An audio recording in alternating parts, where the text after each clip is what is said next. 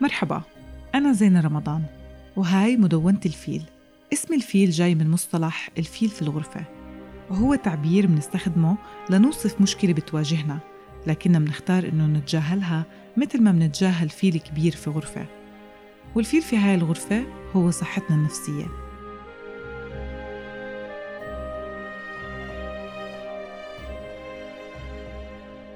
في كتير شغلات بتعلمها الواحد لما بيشتغل على موضوع هالقد حساس ومهم مثل قضية الصحة النفسية. منها شغلات تقنية ومعرفية مثل التمييز بين دور المختص والطبيب النفسي أو مفاهيم خاطئة عن اضطرابات معينة وغير ذلك. وفي شغلات تانية إلها علاقة بالوعي.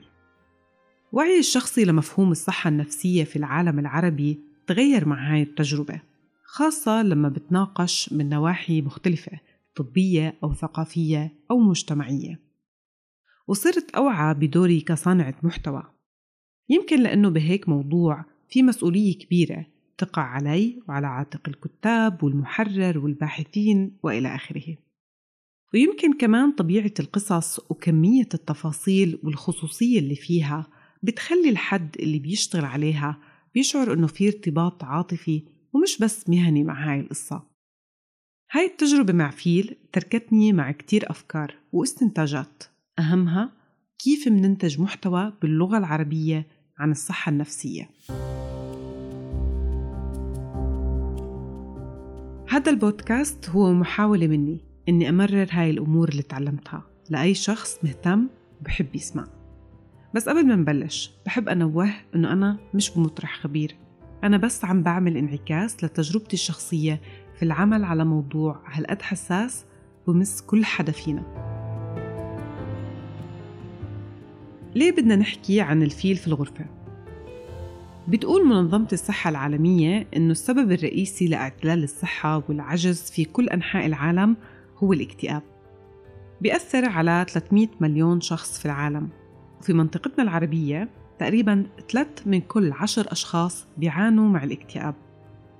في إحصائية انعملت على 25 ألف عربي هاي السنة. حكوا وبلغوا عن اكتئابهم.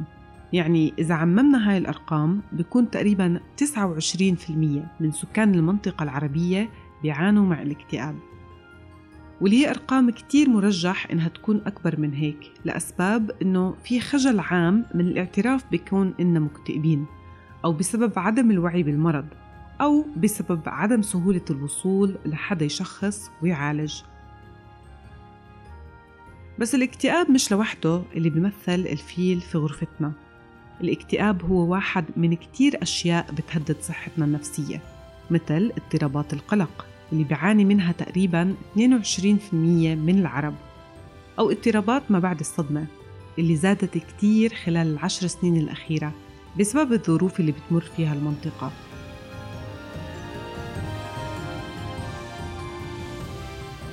رابطة علم النفس الأمريكية أصدرت تقرير في 2016 بتقول إنه تقريبا 60% من اللاجئين السوريين بيعانوا مع هذا الاضطراب. وبوسط كل هاي الأرقام بيجي رقم كتير مهم هو إنه تقريبا 66% من اللي بيعانوا من اضطرابات نفسية ما بيلجأوا أبدا لمختص. طيب من وين بتيجي معلومات عن الصحة النفسية؟ هذا السؤال مع هاي الإحصائيات هم سبب بوجود مشروع مثل فيل. لأنه إحنا اليوم بنمر على بوستات على الفيسبوك. لناس بتحكي إنه عندها اكتئاب أو إنها مخنوقة أو أيا كان. وملاقي كتير ناس بتكتب لهم إنه استغفروا الله وتقربوا من الله والصلاة هو إشي كتير منيح. بس مش لازم نغيب دور الطبيب في تشخيص إحنا من شو بنعاني أو دور الأخصائي في علاج الاضطراب. لأنه أي حد منا معرض لهذا الموضوع متدين أو غير متدين غني فقير متعلم مش متعلم كلنا معرضين إنه نمر في اضطراب نفسي. كمان الاستجمة اللي بتلحق الأشخاص اللي بيتشخصوا في اضطرابات بتكون سبب في عدم تقبل الناس الآخرين للعلاج أو حتى لطلب المساعدة حتى أكثرنا وعيا واهتماما بهيك موضوع. صديقة إلي مرة حكت لي إنه هي مراهقة حكت لأختها إنها بتمر باكتئاب وبدها تروح لطبيب نفسي. وقتها قام البيت عليها وما قعد. وحكوا لها إنه بكرة بس تتجوزي ويصير مشاكل بينك وبين جوزك رح يستغل هذا الموضوع ضدك رح يقول إنك مجنونة وبالدليل كمان. وقعدت البنت مكتئبة يمكن عشر سنين بدون علاج قامت خلالهم بمحاولتين انتحار عشان زيجة يمكن تحصل أو لا.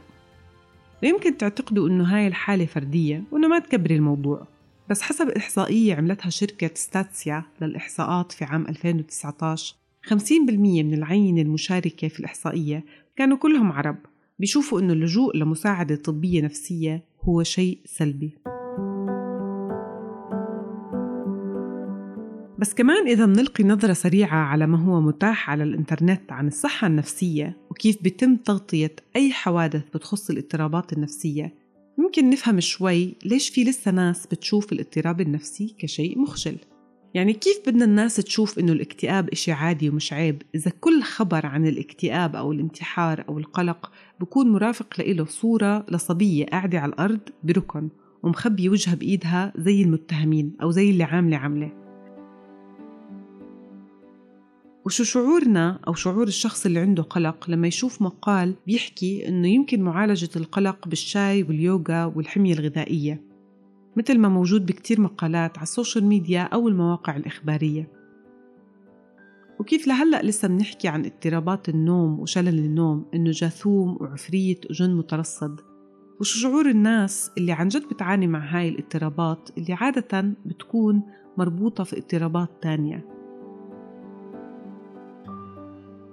في ندرة ملحوظة في المعلومات المتوفرة عن الصحة النفسية المتاحة باللغة العربية على الإنترنت.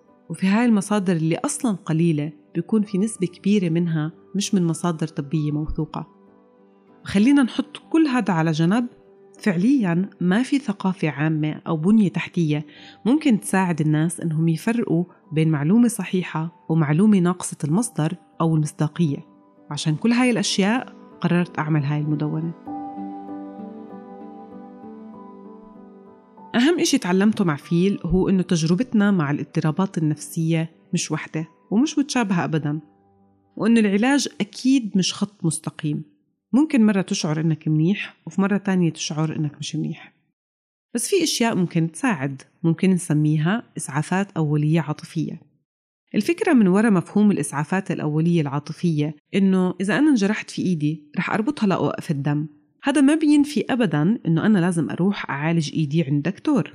والاضطرابات النفسية أو العاطفية مثلها مثل الأوجاع والجروح الجسدية لازم أروح أعالجها عند مختص. وهاي الفكرة قدمها الدكتور النفسي جاي وينش في كتابه اللي بيحمل نفس الاسم إسعافات أولية عاطفية. في هذا الكتاب بيحكي عن أشياء أو أدوات ممكن نستخدمها مع أنفسنا أو مع أشخاص قراب منا عم بيمروا بتجربة الاضطراب النفسي وممكن تساعدهم.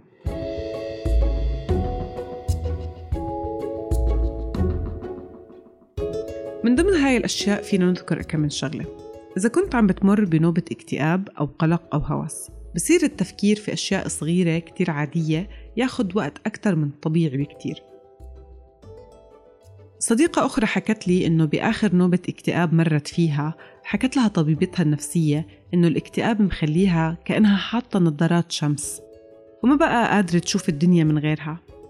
كانت نصيحة الطبيبة إلها إنها تحاول تفكر أو على الأقل تمتنع إنها تاخد أي قرارات طول ما بعدها مش قادرة تشوف الحياة إلا من خلال شاشة الاكتئاب. طلعت صديقتي من عندها عم تتمسخر على الكلام وقالت خلص أنا مش رح أرد أرجع عندها. لكن في الواقع قررت تجرب توقف أخذ قرارات لمدة أسبوع ولمفاجأتها صارت أهدى وأروق بكتير لأنها كانت مجبرة تحاول تبدل عادة علك المواقف السيئة اللي بتصير معاها والتفكير في مورائياتها مليون مرة. وجبرت حالها إنها تلتهي في أي إشي تاني بياخد عقلها من التفكير والهوس بالمواقف اللي صارت حتى تمتنع عن أخذ قرار حياله. ولو مش أنت اللي بتمر بهاي التجربة بس شخص قريب منك فيك تساعده إنه يبطل عليك. كيف؟ ببساطة بإنك تكون كتير واضح معه بخصوص أي إشي لأنه صدقني أي كلمة بتحتمل التأويل ومش رح تمر عليه مرور الكرام زي ما ممكن تمر عليك. بالعكس هذا الشخص رح يضل يفكر بالموقف أو الكلمة اللي انحكت لحد ما ينفجر راسه. لما منكون واضحين باللي بنحكيه مع الناس اللي بتمر باضطراب منكون كتير عم نساعدهم. الشغلة الثانية المهمة إنه ما نعطي وعود لا إنه في حل قريب ولا إنه بنقدر نساعد. بعرف إنه النية بتكون صافية وبدنا نعمل خير بس نصيحة ما نحكي إشي مش متأكدين مية بالمية إنه رح نقدر نعمله. وهذا باخدنا لنقطة كتير مهمة. أوعى تحمل حالك المسؤولية لهذا الشخص. المساعدة مطلوبة ومحببة لكن أوقات وجودنا بدون أي مجهود هو بيكفي وزيادة. طب أكيد بنتساءل كيف يعني وجودنا مهم بس نفس الوقت في كل هاي المحاذير؟ الشخص اللي بمر بنوبة اضطرابات غالبا بيكون كتير واعي لنفسه وكيف عم بتعامل الآخرين معاه عشان هيك بكون محتاج لوجودهم بس كمان محتاج إنه يشعر إنه مرحب فيه وإنه مش ثقل على أي حدا. فكيف تتحقق هاي المعادلة الصعبة؟ تحقق بأشياء كتير بسيطة مثل إنه ما تحمل الشخص مسؤولية مرضه أو شفائه. يعني جمل مثل ممكن تعدي إذا بدك أو أنت مش عم تعمل مجهود كفاية هي جمل مش بمحلها أبدا. يعني هل ممكن تحكي لحدا رجله انكسرت إنه مش عم ببذل مجهود كافي عشان تلتئم؟ أكيد لأ. والاكتئاب والقلق وغيرهم هم أمراض بتصيب الشخص وبدها وقت لتتعالج. وتجاربنا مثل ما حكينا مش وحدة. مش كل إشي بينفع مع الآخرين رح ينفع معانا أو مع الشخص اللي قريب منا. كمان شغلة إذا قدمت نصيحة أو حاولت تساعد شخص عم بمر باضطراب نفسي وكانت ردة فعله سلبية ما تستاء. لأنه مثل ما حكينا من قبل مش كل إشي بينفع مع التانيين بينفع معانا أو مع الشخص اللي إحنا قريبين عليه. الشخص هذا بكون واعي لحالته بشو ممكن يساعده. وفي شغلة كتير مهمة هذا الشخص على الأغلب جرب كتير شغلات قبل وما نفعت. آخر شغلة بحب أحكي عنها إنه الشخص اللي عم بيعيش مع الاكتئاب أو القلق أو اضطراب نفسي من نوع معين هو عم بيعيش بشكل دائم full time job مع هذا الاضطراب. بس أحيانا بمر عليه أوقات بكون فيها واصل لمرحلة من السلام والهدوء. وما بيكون بده أي إشي إلا الرفقة الطبيعية والعادية. بدون ما نذكره أو نحسسه إنه في إشي غلط سواء بالكلام أو تصرفات أو حتى بتغيير نبرة الصوت. هذا الإشي بيكون واضح ومزعج بالنسبة لهذا الشخص. بالعكس لازم مرحلة معينة نكون قادرين نطلب من هذا الشخص إنه يساعدنا في أمور روتينية ويومية مملة مثل شغل البيت أو إنه يحضر فيلم أو أي إشي تاني. المعاملة العادية تساعده إنه يشعر إنه عادي. أحيانا الواحد بس بيكون عم يطمح إنه يشعر إنه هو حدا عادي. هاي بشكل مختصر مجرد أفكار واستنتاجات وتجارب لناس كتير. وأكيد في غيرها تجارب أكتر. الفكرة أنه الأمور تنحط في سياق وأنه نخلق مساحة للناس اللي بحاجة إنها تحكي قصتها وللناس اللي بحاجة إنها تسمع.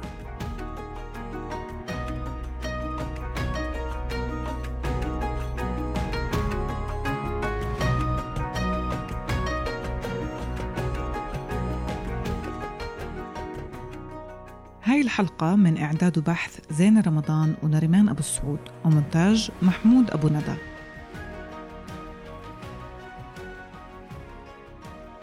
أنتجت هذه المدونة بدعم من مؤسسة فلسطينيات ضمن منحة مشروع فضاء شبابي اللي بتقدمها المؤسسة عبر مشروع شباب لايف الممول من الاتحاد الأوروبي واللي بيتم تنفيذه بالشراكة مع الدويتشي فيلا مؤسسة الخط في تونس والجنة في لبنان.